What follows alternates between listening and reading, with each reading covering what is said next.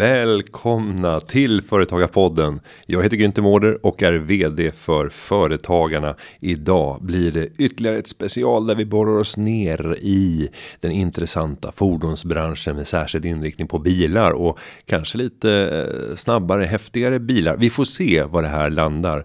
Med oss idag har vi Marcus Rosenborg som är försäljningschef och corporate sales manager BMW Sverige. En fet titel.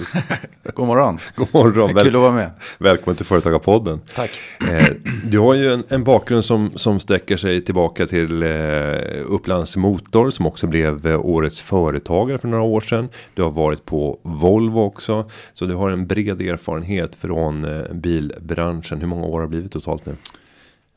Jag har varit i branschen ungefär 12 år kan man säga på, på bilsäljarsidan.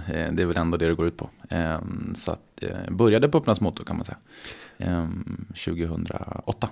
Vad är det som gör att branschen är så intressant? Branschen är intressant utifrån kundmötena. Eh, Det är kunddialogerna som någonstans driver, driver hela den affären vi håller på med, vilket är superintressant. Eh, Och tittar man på vad branschen har gått från när jag kom in till vad branschen är idag så är det ju en, det är helt nya diskussionspunkter, det är nya regleringar, det är nya skatteregleringar, det är EU-lagstiftningar. Ehm, det svänger väldigt mycket från från när man började och det var hästkrafterna som var, räknades till. Så att eh, vi idag sitter och pratar TCO, eh, utsläpp, elektrifiering, autonoma bilar, elbilar, laddinfrastruktur. För de här 12 åren som du har varit i branschen eh, måste ju varit en av de mest omvälvande sen förbränningsmotorn introducerades. Överdriver jag om jag säger så? Ja, jag var ju inte riktigt med när den introducerades, men eh, jag kan nog uttala mig i alla fall om vad, vad, vi, vad jag klev in i. Eh, Dels klev man in i en finanskris, men det är kanske inte det som talar för vad som har skett. Eh, Det som är Ja, men då, utmaningen... då, hade, då hade vi ett oljepris som skenade iväg också inför det. Ja, men så. Till 150 dollar per Ja. Mm. fat. Det var ju också extremt och pådriven förändring. Men där kom du in i mitt i det. M- Mitt i det Stormens. Ja, men precis. Ja. Eh, och jag tror att sen har det gått väldigt, väldigt fort genom den här omställningen till vad det nu kommer komma bli. Men omställningen har ju blivit att, men vad ska jag välja för bil? Vad ska jag ha för drivmedel? Vad är relevant? Vad är långsiktigt? Eh, hur är jag säker i mitt köp? Eh, och det är någonstans, det gick från att bjuda på dragkrok och gummimattor och vinterhjul och få kunder köpa bilen till att någonstans bygga ett förtroende och, och en kunskap som som ställdes som krav när du jobbade i branschen. Att du måste ha mycket mer kunskap. Du måste vara relevant i flera frågor och, kunna vägleda kunden på ett helt annat sätt än att erbjuda en billig bil eller den billigaste bilen eller ja, vad det kan vara. Ja, jag tänker mig att, att kunden har blivit väldigt mycket mer beläst. När man väl kommer och ska fatta sitt beslut. Eh, Jag sitter bara och ser på mitt eget beteende när jag sitter i alla olika tänkbara köpsituationer. Ja. Eh, Jag är ju ute på nätet, jag läser tester, jag sätter upp jämförelsescheman väldigt enkelt, enkelt på nätet. Jag kan se på alla, alla parametrar. Ehm, Ja, det känns som att det är en annan kund som kommer in och eh, möter en säljare idag än vad det var tidigare. Ja, för att inte generalisera så är det ofta så att kunden kan ibland även mer om produkterna de jämför eller produkterna de är intresserade av än personen de möter i åtgärdsledet. Och det är ju en utmaning i sig att vara påläst om alla konkurrenterna. Vilket är, det måste du vara egentligen för att kunna vara relevant eller för att kunna erbjuda den bästa lösningen så måste du veta vad du slåss mot. Och idag när vi pratar om ja, räckvidd på bilen, hur snabbt kan jag ladda den? Eh, har ni en laddlösning jag kan koppla på? Eh, vad kan jag ladda min bil? När vi pratar just elbilen. Men också när vi kommer till generella frågor såsom men vad förbrukar bilen? Vad släpper den ut? Hur stor är den? Vilka mått är det? Så att du adderar ganska mycket mer parametrar i jämförelse idag än vad du gjorde förut. När det bara var hur mycket får jag in i bagageutrymmet. Får jag in min barnvagn? Kan jag lasta golfklubborna med driven i? Ja, men det som var relevant är nu också adderat av många, många fler frågor som gör att det är, det är svårt att vara påläst. Och kunden är ofta väldigt, väldigt påläst. Du har byggt din bil online till exempel. Så här ska den se ut. Så kunden har gjort mycket av sin egen behovsanalys. Så det du behöver göra är förstärka och addera vissa saker. Som Hur hur ser det ut med kundens behov av att testa produkten? Är det lägre idag än vad det var tidigare. För jag föreställer mig ändå att det var väldigt många besök, väldigt många testkörningar av olika bilar. Eh, men idag när vi har eh, personer som med eh, så lätthet kan klicka hem en bil. Mm. Bara varumärket är tillräckligt starkt. Utan mm. ens ha testat. Mm. Eh, kan mm. ni se att det är en generell trend att det är färre testkörningar per köp eller? Ja, det är väldigt svårt att hitta att få kunden att provköra produkten. Eller att få dem även in till din bilhall om du sitter på bilhandlarsidan som en återförsäljare. Så har ju du vissa saker som du någonstans kan påverka köpresan. Och det är ju när kunden kommer in till din bilhall. Då vill du ju som sagt få dem att provköra, sitta i bilen, prata med kunden och från att ha gått från att ett köp, om vi går tillbaka till när jag klev in i branschen, då kom kunden in kanske tre till fyra gånger. Pratade, frågade, provkörde, provkörde en gång till. Eh, till att idag så har vi 0,7 gånger kommer kunden in till bilhallen. Vilket innebär att det inte ens en gång. Och det är precis, det styrker ju tesen om att man är benägen på att köpa bilen utan att ha provat den eller sett den. Mer än att du har byggt den online, du har läst om produkten. Du är trygg i varumärket, det varumärket står för prestanda eller prestige eller vad det nu står för. Så jag, jag är trygg i att, att, att, eh, att köpa den bilen. Och det mm. kan jag göra osedd. Titta bara på att du förbokar bilen ett år innan, du köper bilen med ett och ett halvt års leveranstid. Så du litar mer på varumärket och vad folk skriver om den. Eller vad kollegorna har köpt. Ja, men jag tar en likadan. Den är perfekt, den är jättebra. Och det måste vara ett ganska gott betyg ändå för branschen tänker jag. För det är inte många branscher där man ser att, att, alla, att man går från att vilja testa och undersöka flera, flera på varandra följande gånger. Mm. Innan man fattar beslutet till att till och med stå beredd att klicka hem någonting som inte ens existerar idag. Mm. För det är ju rätt vanligt va? Absolut. Och, och jag tror att det har blivit en liten skapelse i branschen om att släppa produkter som man inte riktigt har än heller. Det har liksom blivit en förflyttning av att ja, men vi måste ligga och pulsa ut produkter lite tidigare för att också fånga kunderna. För det finns ett intresse i det. Man vill vara först, man vill ha senaste tekniken. Eh, och också kunna påvisa att ja, men sån har jag beställt, den är redan på väg. Eh, jag kommer åka senaste elbilen, så att eh, jag är redan i loopen. Så det är, det är mer att man vill ligga lite längre fram samtidigt som att vi som tillverkare på tillverkande sidan har en utmaning att men, det här är våra produkter vi har nu. Vi måste aktivera dem under hela tiden tills om två år när den här bilen kommer. Vad gör de här produkterna relevanta nu? När vi lanserar en bil som är en, ett rymdskepp eller en, en bil som är väldigt, väldigt långt fram i teknologin. Så att, eh, det är en balans. Men absolut, det är ett bra tecken på att man litar på, på eh, sitt varumärke. Absolut. Och då, det får mig osökt att tänka på professor Mikael Dahlén vid Handelshögskolan som har skrivit boken Nextopia som handlar mycket om att vi lever i ett förväntanssamhälle. Det är alltid vad som ska hända framöver som driver oss som människor, inte det som finns tillgängligt här idag. Eh, och det stämmer rätt väl överens med med min eh, tilltänkta resa när det kommer till eh, nästa bilköp. Mm. Eh, för det kan jag väl avslöja i, i det här sammanhanget. Vi hade ett samtal i fredags där det avslöjade. Men jag, jag sitter ju och väntar på X3 som ska komma som en hel elektrifierad version. Och då heter den iX3. iX3. Eh, och det här har jag ju följt ganska noggrant och jag tror första gången som jag läste om det så stod det i slutet av 2019 när man såg konceptbilen och sen var det mm. våren 2019. Nu när vi pratade i fredags så sa ja men i slutet av 20, eh, 2020. Mm. Eh, så kommer det bli aktuellt. Men, men, mentalt så har jag ju suttit och, och förberett mig på att mm. ja, men det, det, är där jag kommer landa. För då ja. har vi en bil som klarar 40, 45, kanske 50 mil på pappret. Men 40 mm. mil i alla fall. Eh, på el. Eh, och det är ett ganska eh, häftigt moment där du har eh, köpare som närmast har bestämt sig om mm. inte någonting helt failar. Ja. Ett år innan bilen ens finns. Mm. Hur förvaltar man en sån här typ av tillgång? För det är ju en tillgång att, att sitta med det. Ja, det är en tillgång. Det blir någon form av orderbank. Men samtidigt så är det ju så också att tittar man på när vi kommer till det här med, med förbokningar och det som sker egentligen hos dig när du, när du läser om den här produkten. och Säger, att det här det passar min profil, den här produkten skulle jag vilja ha. Och så börjar vi prata om att 2019 kommer bilen.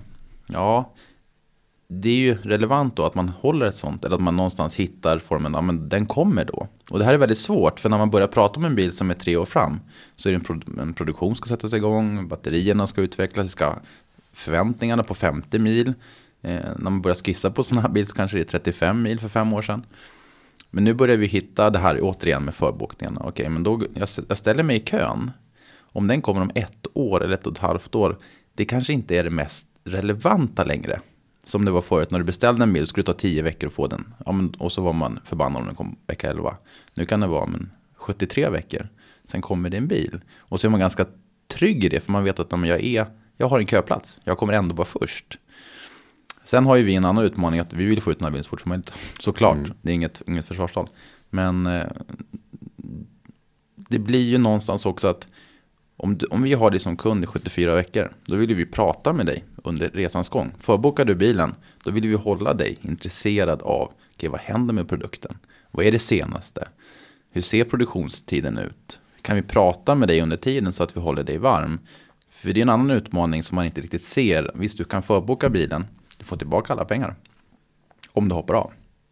Du lägger ju en deposit liksom. Mm. Men vi vill att du ska vara kvar i våra. Då måste vi prata med dig under tiden. Annars kommer du tycka att vi är inte nonchalanta. Ni är inte så intresserade av mig som kund. Och det är en utmaning när det är 74 veckors mm. leveranstid. Okej, när ska vi prata om produkten och hålla dig varm så att du känner dig lite vippad, du känner att du är med i loopen. Ja, du är redan en BMW-förare i princip. Du, du äger bilen. Och så vill vi att du ska känna tills du får den. Och det är en jätteutmaning när det är så långt bort. Jo, och sen tänker jag nästa utmaning när vi har Nextopia i det här ja. fallet då. När vi befinner oss eh, tre år senare eller mm. två och ett halvt år mm. senare.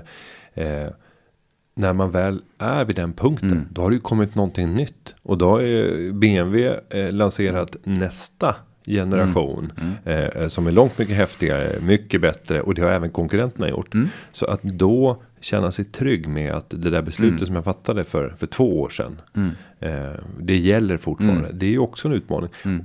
Hur, hur, gör man för att inte få kunden i det läget att känna att äh, då är det lika bra att bara vänta ett år till. För då får jag lite bättre. Man kan jämföra det här med mm. här, teknikhandlare. De radio och tv-handlare. Där det hela tiden har varit så att Äh, vänta, ett år, eh, om jag väntar ett år till. Då får jag lite bättre. Då får jag få 4K ja. Ultra HD Super. OLED. Ja, ja men precis. QLED. ja, nej, men det, och det är såklart, du kanske inte byter bil som du byter en tv. Men, men någonstans så är det klart att vi, man är nog ganska trygg som en tillverkare att man vet, man vet vad man kommer sätta på marknaden. Man har bra spaningar på konkurrenterna och man vet vad vi kommer så man, är nog, man är nog ganska överlag, man har ganska bra koll på affären och på marknaden vilka, vilka andra konkurrenter kommer släppa bilen och sådär.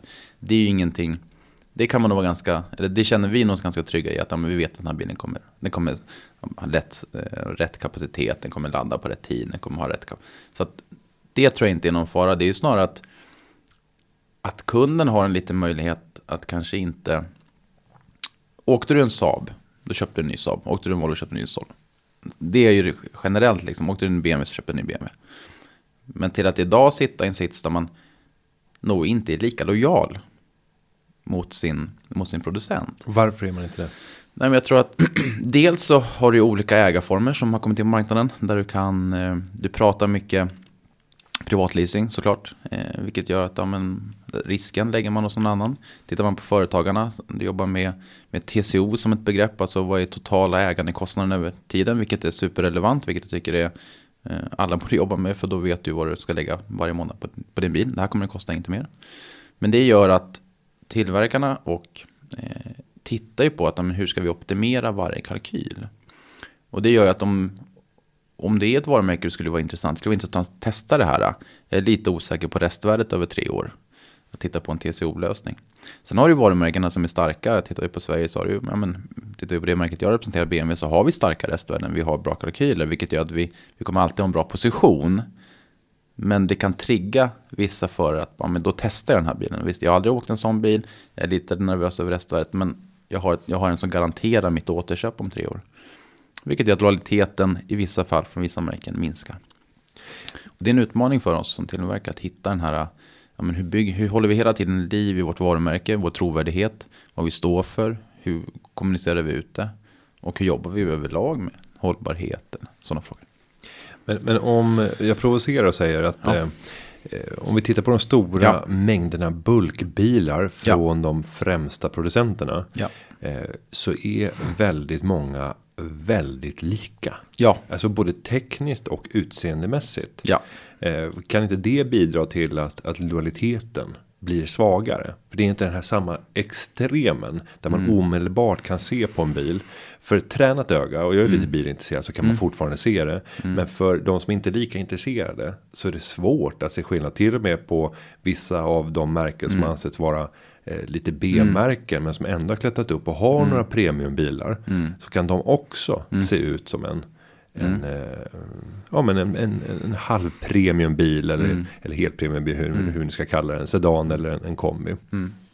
Blir det inte så att man blir mindre lojal om man tycker att produkterna är så Ja, pass men lika? det är väl, ligger väl i allas vårt intresse att vara lite unika. Eh, oavsett om det är bil eller i vardag eller hur man klär sig eller hur man ser ut. Så vill du vara lite unik. Du vill ha någonting som någon annan inte har. För att sticka ut lite från mängden. Och det är klart, vi på, det är ju egentligen vår största utmaning när man ser att vi tar Sverige som ett exempel, en otroligt stark tjänstebilsmarknad. Väldigt mycket bilar, väldigt mycket, en stor andel av, av våra bilar går till tjänstebilsmarknaden. Alltså juridisk person, företagare eller anställd tjänsteman. Väldigt hög andel. Och det gör ju att vi har vissa regleringar som styr vad man får välja. Innan har man jobbat mycket med att ja, men du får välja en bil för 7,5 basbelopp. Vilket är ungefär 330 000 kronor. Och då är det upp till oss biltillverkare, men ska vi vara i det facket? Ska vi, ska vi träffa den här målgruppen som ändå är 60% av affären om vi säger så? Då ska vi jobba med produkter, okej får vi in den här 3-serien på 7,5 basbelopp? Ja det får vi, ja men då ser den ut så här. Och då blir ju det en mängd. För det är ju inte alla som har valfritt att välja vilken bil de vill eller vilken dyr bil som helst. Men vi vill ju samtidigt ha vår del av kakan. Vi vill ju få ut våra bilar, de- de är attraktiva, rätt paketering men den ser likadan ut. Men det som sker nu, tittar vi på den omställningen, vilket är jättespännande när vi går och tittar på elektrifiering. Då går bolagen tillbaka och säger så här, okej, okay, ska du välja en förbränningsmotor, diesel eller bensin, ja, då får du köpa den för 7,5 basbelopp. Men tittar du på en elbil, en elektrifierad bil, då får du välja lite mer fritt. För det står också, bolagen står mycket för hållbarhet. Det är viktigt att vi visar att vi tror på det här. Vi vill också vara hållbara i vårt sätt att se på bilpolicy, de inköpen vi gör. Och det gör att du får en differentiering. Och det är det som sker nu. Även om det går ganska långsamt så är det fler och fler av de stora bolagen som köper väldigt mycket bilar som tillåter lite andra typer av lösningar. Och då får du en mer unik produkt. Och vilket vi tittar mycket på då vi, då vi har en produktportfölj som kanske är lite dyrare än regelverket i Sverige när man tittar på basbeloppen. Eller ja, basbeloppen till exempel. Så att vi kommer att se att man vill vara mer unik än. Men jag håller med. Mycket hyrbilar, mycket bilpooler. Mm. Mycket bilar som ser likadana ut. För att det finns regelverk som gör att men, vi landar där för att nå publiken. Tyvärr. Om vi går vidare och tittar på det vi ser på gatorna så Ja. är det ju också rätt mycket yrkestrafik där ute. Det är både taxibilar och Mm. det är alltifrån blåljusbilar och liknande. Eh, Där slås jag rätt snabbt av att BMW är inte med om vi tittar på taxibilar. Det är ytterst sällsynt man ser Mm. en taxibil. Om det möjligtvis någon Uber kanske. Men, men, och, och blåljusbilar, nej, Mm. Nej. inte. Men, men däremot eh, eh, Volvo, Volkswagen, Toyota Mm. förekommer i väldigt hög utsträckning i de här. Och Mercedes Mm. också som, som är en konkurrent. Hur ser den affären ut och vad är det som gör att man ska ta eller inte ta den? Vad krävs? För jag förstår att det är ett, ett ganska stort åtagande och Mm. affären är helt annorlunda. Nej men nummer ett så är ju, tittar vi på taxiverksamheten så är den styrd av Swedavia till mångt och mycket. Att du ska ha en viss typ för att få hämta på Arlanda. Vilket det styrs väldigt mycket i Stockholm på att ja, men då måste jag ha sån här typ av bil för att jag ska kunna få hämta. Eh, vilket är väldigt svårt. Och där har, jag tror inte, eller BMW har inte haft den produkten som har kvalat in på den positionen. Det, nu, ska man till, nu tittar man ju över det också men du ska ha en elbil eller en plug-in hybrid på rätt sätt. Eh, och tittar man på prisbilden då som, som taxiåkare så har du ju inte jättehöga marginaler. Det är rätt svårt att få affären att bli lönsam eller gå ihop. Och då styrs det mycket på att men vad får jag köpa in bilen för? Eh, har den rätt taxipaketering? Eh, och där har man inte riktigt varit om man tittar på BMW-sidan. Eh, sen har vi viss eh, limousinservice. Men det är ju en, det är en, inte så många bilar. Men det finns ju där. Men själv- generella taxiverksamheten eh, eh, har reglerats så att vi inte har riktigt haft rätt produkt. Och ingenting kanske som vi har primärt heller drivit och satsat på eh, från BMW-sidan heller. Mm. Och blåljusen är väl ganska lätt att förklara. Det finns ju en, en stark eh, koppling till, eh, till Sverige och till eh, den stora biltillverkaren Volvo. Att En man, nationell bias. ja, men det är klart att det är väl, det är väl svårt att säga någonting annat. Mm.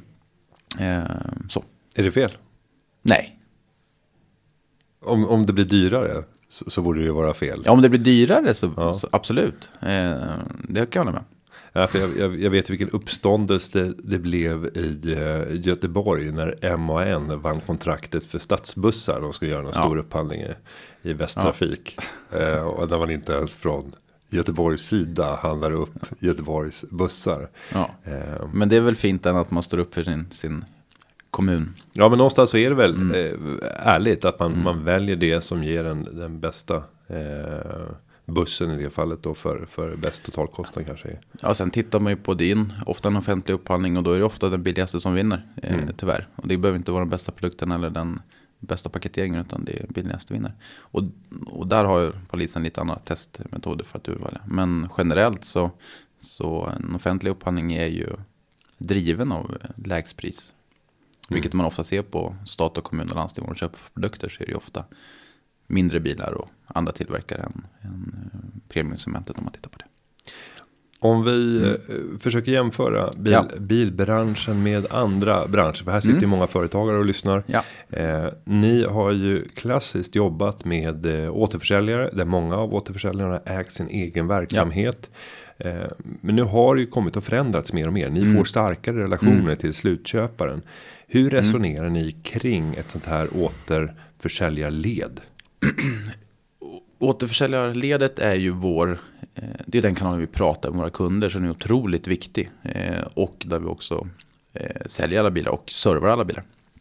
Så den är avhängd på, på relationen med slutkunderna som är föraren som kommer in. Och den kommer du aldrig kunna sudda ut. Du kommer inte kunna ha den, den träffsäkerheten. Men det som sker i branschen om man tittar på eh, vilken position generalagenter och OEMs tar. Så tittar man ju på eh, en, man kan säga att lätt beskrivet ett agentupplägg. Att eh, man vill ha mer insyn i affären från generalagentens vy. Alltså man vill ha en mer del av datan. Man vill också ha en, en större del av, av prissätt, alltså prissättningsstrategin. Okej, vilka, vilken pris vill vi ha? Och vi vill ha nationellt och när vill vi ha den? Vi vill ha den nu. Du vill alltså ha en bättre koll på affären och kunna styra den snabbare. Men också äga kunddatan. Vilket alla pratar om, vilket är, vilket är relevant. Men tricket som man ser när man har testat, vi har en marknad i Sydafrika där, där vi har en sån agentmodell, där vi testar. Men också att det är, det är svårt att hitta den gyllene regeln, men hur får vi kunderna nöjda?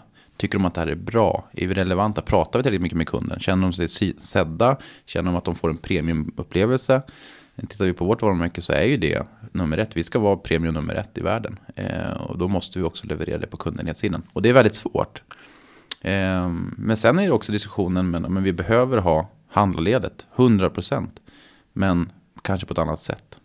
Eh, vi var inne på det i början här med kunskapsnivån. Ja, men kunderna är mer pålästa. Vi måste ju säkra att vi har de bästa handlarna med mest kunskap och kan, kan också ja, men så att vi möter kundens förväntningar när de kommer in. Att vi inte, att vi inte ja, vad är det för ladd, laddmöjligheter till bilen? Ja, det får du ringa till, till InCharge eller till Vattenfall och fråga.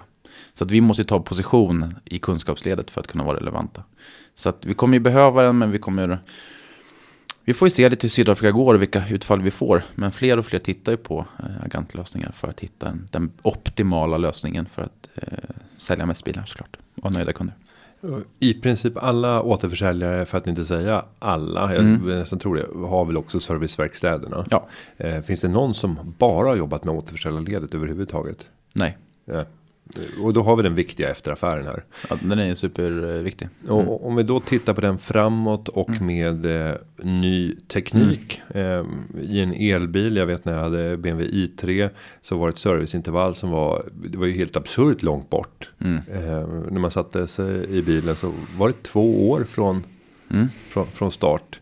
Ehm, och och det är ju betydligt mindre delar som Ja. kan paja loss i det här slutna elektriska systemet. Ja, ja. Hur, hur bygger man upp en sån affär och, och så här, kompensera de återförsäljare som är vana vid att det är en stor serviceaffär. Vi kan sälja bilarna Mm. lite till förlust till och med för vi tar igen det sen Mm. på en stark relation. Ja, det, det är en omställning som, som de flesta handlare borde fundera på såklart. Att, okej, vad, är vår, vad är vår plan? Och jag tror att generellt så har det varit ganska svårt. Utan vi har hållit på med det här i hundra år på samma sätt. Kunden kommer in, offererar, säljer, kommer in och servaren, säljer en ny. Så har ju liksom hela resan varit. Och det är den positionen man har tagit som en handlare. På ett väldigt, väldigt bra sätt. Men tittar vi på nu så, så inte minst med elbilstekniken, ja men det är, det är färre, eh, färre saker som ska göras i varje, varje service. Okej, om, och vad är, nu spinner jag vidare, men vad är mest primärt när du lämnar in den? Ja, det är att den är fulladdad när du hämtar den. Egentligen också. Mm. Och, då, och då tittar man på en stor verkstad som kanske har 30 platser och så har du 30 elbilar. och Så ska du ja, men, serva bilen, mjukvaruuppdateringen eller vad det nu som sker. Då vill du också ladda den full. Ja, då finns det inte framdraget till verkstäderna så de har möjligheten att ladda de här 30 bilarna samtidigt. Så det, där, det är också en annan utmaning. Men återigen, ja, men det vi måste göra det är att men, för att jag ska vara relevant så måste jag jag ha tjänster som gör att ja, men jag kanske är tillgängligheten. Kan jag hämta bilen? Kan jag lämna den på Günthers kontor när den är klar? Eh, hur jobbar vi med rekond, biltvättar? Eh, kan vi sälja andra tjänster som är relevanta för, för Günther i den här frågan? Eh, så man måste hitta ett tjänsteutbud som man kan paketera på för att göra det unikt. Alltså, att, jag vill komma till Bavaria för att jag tycker det är det bästa sättet att, att sköta min bil. Jag kan köpa de här grejerna, de hämtar, det är enkelt, de har öppet. De stänger inte verkstaden fyra utan de stänger den tio på kvällen. Ehm, och de öppnar den, ja, jag kan lämna när jag, när jag tycker att det passar mig. Så att öppettider är också någonting som är superrelevant. Verkstaden har stängt fyra, bilhandeln sex. Efter sex, ja, det är då kunderna tittar på en bil och konfigurerar på hemsidan. Allting är stängt. Hej, gå in på vår konfigurator, bygg ihjäl dig. Så kan du höra av dig när du vill ha en offert. Och det funkar ju inte idag. Det är snarare tvärtom. Hej, välkommen till, till vår virtuella bilhall. Marcus Rosenberg heter jag, jag kan hjälpa dig på vägen. Det är, där, det är då du ska vara tillgänglig. Så att vi behöver titta på sätt att okay, men vi måste vara vakna och mer på när, när kunden är hos oss. Titta på andra koncept. Men vad kan eh, andra branscher lära sig av er? För ni har ju säkert gjort eh, några misstag längs vägen Mm. i relationen med återförsäljarledet. Vissa har grossister eller med andra mellanled.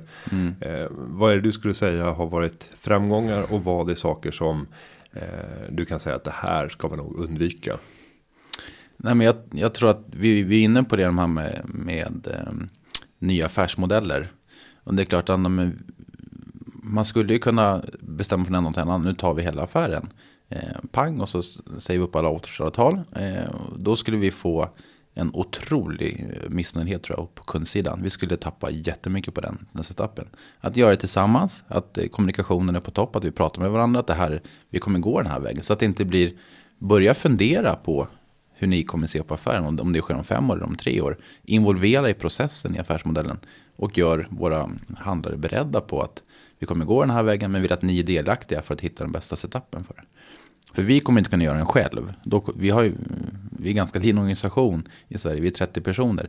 Då ska vi hantera ja, alla våra tusentals kunder varje, varje dag. Det går ju inte. Så att vi är beroende av det men då måste vi göra det ihop. Så omställningen är jätteviktig att vi gör den ihop. Eh, det kan man ju se på, på varumärken som har gjort den resan. Att det har, det har slagit lite snett för man har gjort det för snabbt. Då.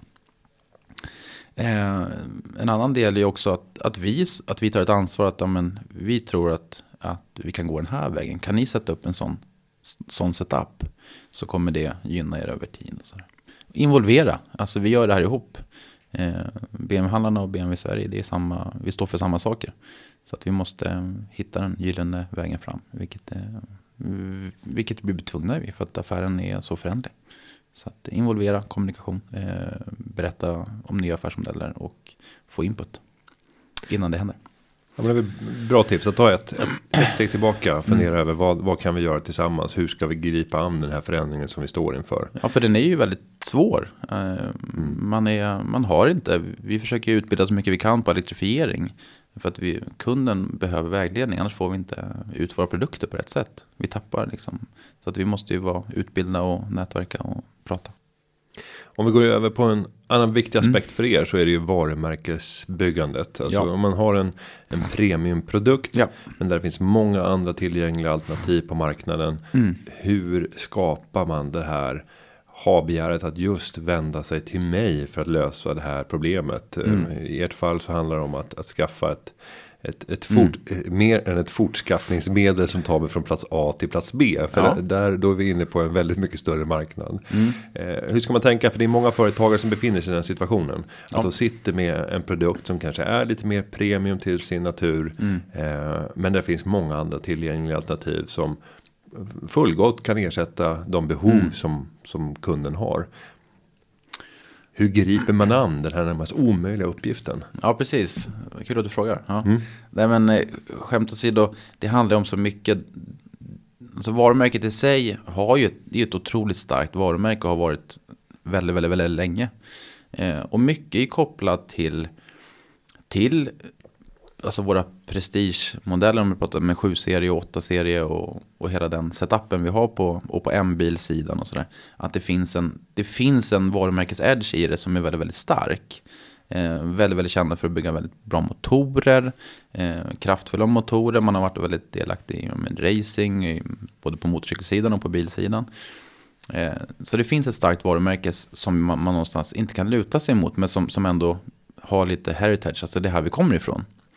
Eh, sen om man tittar på hur man, hur man, vad man idag anser som premium. När man tittar på ett varumärke. Du tittar ju mer på ett bolag idag. Okej, vad är premium på hållbarheten? Och hur, hur, hur jobbar ni med den? Står ni upp för det, ni, det vi ska? Och då har vi liksom hållbarheten i produktionsledet som är otroligt viktigt för att påvisa att ja, men, vi levererar premiumprodukter men vi gör det också på ett premium-wise. Vilket säger att ja, bygger vi en elbil, ja, men då tar vi kobolten inte från från Afrika. Vi tar den från ja, men Australien till exempel för att påvisa att ja, men, där har vi koll på kedjan. Så att man tar ett ansvar hela vägen på hur tillverkningsprocessen är och vilka arbetsförhållanden man lever i när, man, men när vi tar fram en bil till exempel. Elbil i det här fallet. Och det är ju premium. Vissa kunder tycker ja, men ni står även för den delen av resan. Sen ska det ju vara sexigt, det ska vara spännande, det ska vara den mest uppkopplade bilen. Over the air-uppdateringar måste ju finnas på plats. Eh, autonoma bilar, ja men det måste vi också ha, för det, det är också relevant för kunden att ja, men, vi måste liksom, det blir tuffare idag. Innan kunde du göra en snabb bil, 0 till 100 var väldigt viktigt.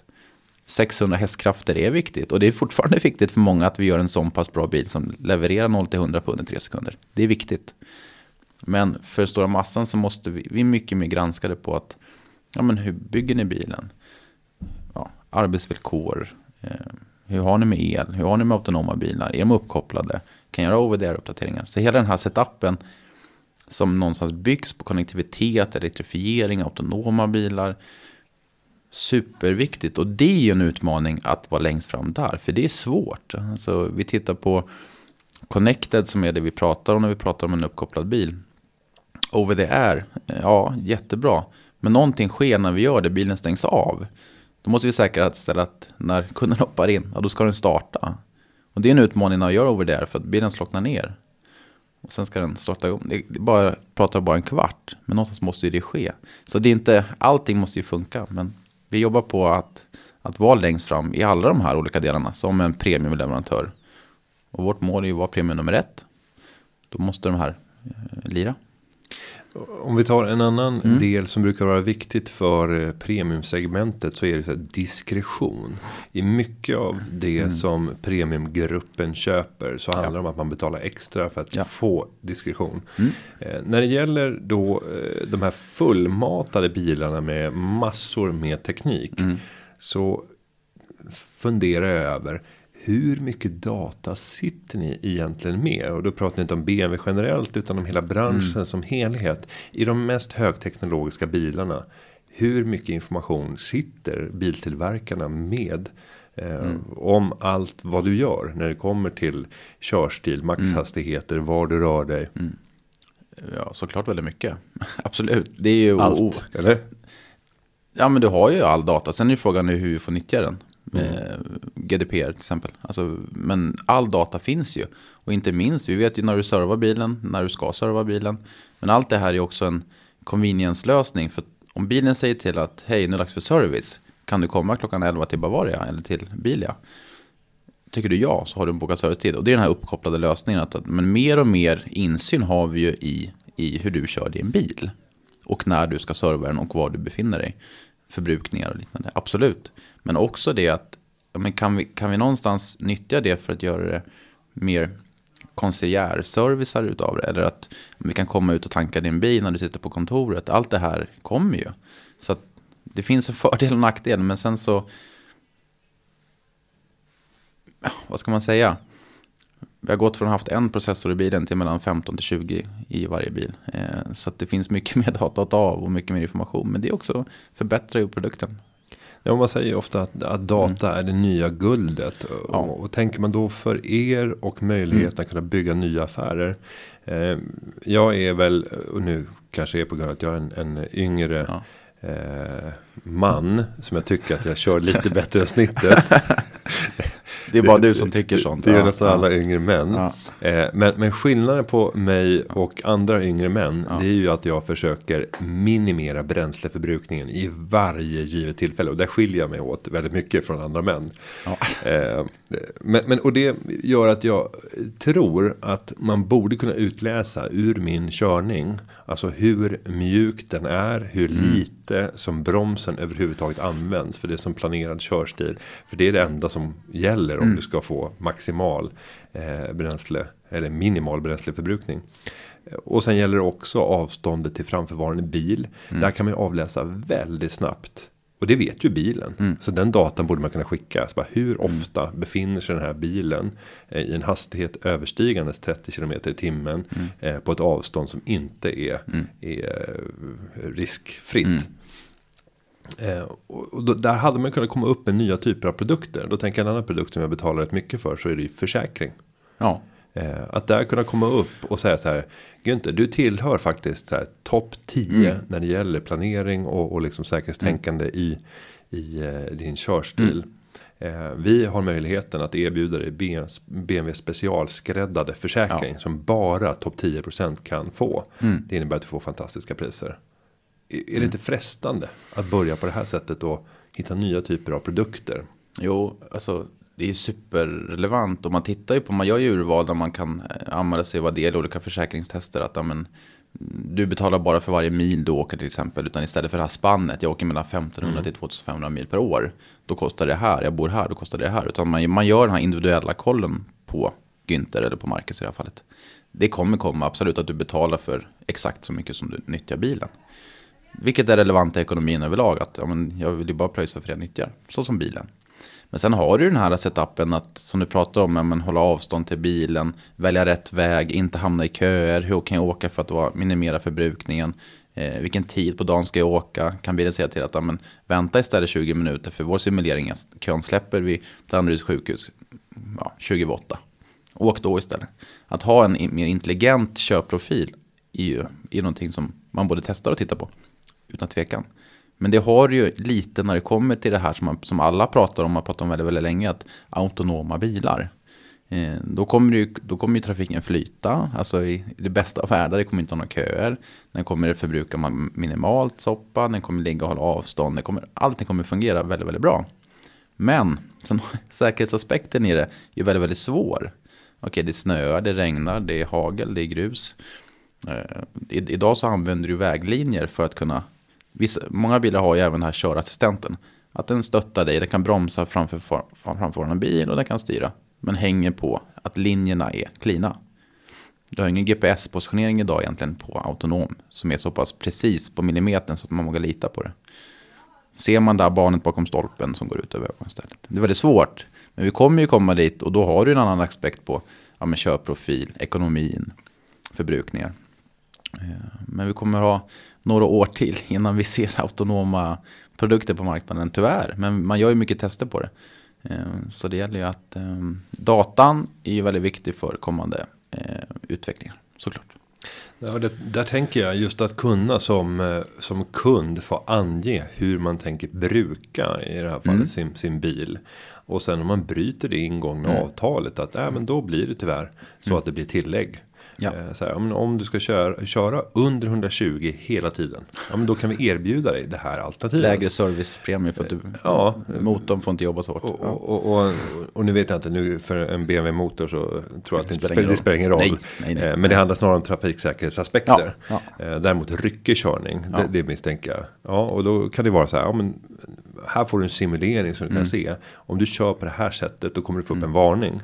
Eh, För du kan ju få väldigt mycket Mm. signaler och betyg på din körstil. Eh, Men där kan jag ju inte idag få ersättning för det här. Eh, annat än att ja, bilen håller längre Mm. men de flesta har en leasingkontrakt. Och, och sen så har Mm. du bränsleförbrukningen oavsett om det är el eller om det är något flytande. Ja, det är ju frågan om man är, om man är villig att ha en fluktuation i sina kostnader. Mm. Ibland kanske du måste köra 122. Så frångår det. Ja, men det gäller ju att ha. Varför då? då har man planerat dåligt. Då har du planerat dåligt. Ja, men Då precis. ska man stå ett straff för det. Då ska man stå ett straff. Och, precis, då får man betala för det. Ja, precis som man Ja. bryter mot lagen. Då får Ja. man stå sitt straff. Ja, det är sant. Men eh, jag tror att det är, det är ju superrelevant att titta på det. Men sen är det så här, det, det vi ser, det är att man, man vill hellre veta vad det kostar. Man vill hellre ha den här fixed amount varje månad. Okej, det kostar inte mer. Det ser man ju på yngre till exempel. nu. Man når ju ganska mycket yngre människor som tar en privatleasing. Istället för att man köper en, ja, en gammal 240 eller en Opel eller vad man nu köpt, köpte förr. Nu vill man hellre ha en ny fräsch bil och den har jag tre år sedan så får jag en ny bil. Precis som mobiltelefonen, jag byter den när jag byter eh, min bil. Eh, uppsidan för oss som tillverkar bilar såklart, vi får ut fler bilar. Men också att eh, det påverkar också säkerheten. Ja, men då åker vi säkra bilar istället för uppkopplade bilar istället för mycket gamla bilar. Så det finns ju en balans i det. Men det här med fixed amount eller rörligt, ja. Det kanske är nästa take där som Günther får pitcha in. Jag vet inte. Men om du avslutningsvis ska få eh, pitcha varför man ska ta, ta sig till en, eh, en bilhall och då företrädesvis en bilhandlare som, som säljer BMW. Eh, varför ska man göra det? Och när man väl kommer dit, vad är det du tycker att man ska provköra? Vad man ska göra, jag tror att vi som sitter här och pratar om, om företagande och hur man ska äga bil och vad man ska satsa på så tror jag att det är relevant att, nu faller jag lite ifrån ämnet, men också titta på ja, men vad har jag för profil, hur nyttjar jag bilen? För det är väldigt många som tittar på elektrifierade bilar eller plug-in hybrider och, och, och kanske inte ställer frågorna om hur ska jag ladda bilen? vad kan jag ladda bilen? Kan jag verkligen nyttja bilen optimalt för att få vinningen av den här låga förbrukningen som står i papperna? Eller? Och det går brytpunkter när man tittar på att ja, men en plug-in hybrid är bra för mig för mitt förmånsvärde. Jag får en sänkning på det. Vilket är bra för den privata plånboken. Men tittar man på, på att äga ett bolag och ha kostnaden för en bil i bolaget. Så är det relevant att se att ja, men, då måste jag kunna ladda bilen. Annars så har jag ju inte vinningen av, av att kanske välja en plug-in hybrid. Och det är ungefär, jag antar att många kör mycket. Men över 2500 mil ska man ändå fundera på hur, hur mycket av den här körningen kan jag ladda. En plug-in hybrid har ju en, någonstans fem mil går den på el och sen är det en förbränningsmotor. Att göra jämförelsen väldigt konkret och- ställa de frågorna när du träffar en bilsäljare ute i hallarna eller en, en key account från, från BMW-ledet. Att man verkligen, okej, funkar det här verkligen för mig i min, i min vardag? Eh, provkör gärna våra, våran, våran i3. Känn på att åka en elbil. Superspännande. Jag tycker det är riktigt häftigt fortfarande. Eh, men sen också utifrån dina behov. Titt, vi har ju en superbred portfölj. Eh, sen är frågan om, om man vill ha en, en M-bil så har vi ett bra program på stora motorer. Men också våra bränsleeffektiva dieslar är superrelevanta. Kör väldigt mycket så ska man ju absolut ha BMW som ett alternativ när man jämför. Eh, låg förbrukning, låga utsläpp. Bra när vi kliver in i januari här med, med nya regleringar och eh, full VLTP, den nya klassificeringen i bonus malus strukturen. Så det känns som att vi har ett spännande år nästa år med mycket nylanseringar. På, inte minst på elsidan. Ja, och du som företagare eh, lägger säkerligen en eh, hel del pengar på att transportera dig för att kunna göra affärer. Eh, och då gäller det att kunna optimera det här på bästa möjliga sätt. Eh, ta en titt. Eh, och eftersom det är en så pass eh, viktig komponent för en företagare att röra sig så har ju vi såklart ska vi säga ett eh, samarbete med eh, BMW. Så gå gärna in på företagarens hemsida för att se vilka fördelar du som medlem i företagarna kan ha av det samarbetet. För de är inte dåliga. De är väldigt bra skulle jag säga. Ja. Med det ska vi tacka Marcus för att du kom till Företagarpodden. Och jag ska säga att eh, podden den har klippts av Petra Tew och förberedelserna de är gjorda av David Hagen. Vi hörs igen nästa vecka. Ha det gott. Hej då! Företagarna. Ja, ja, ja, ja, ja, ja. Företagarna. Ja, ja, ja, ja, ja, ja.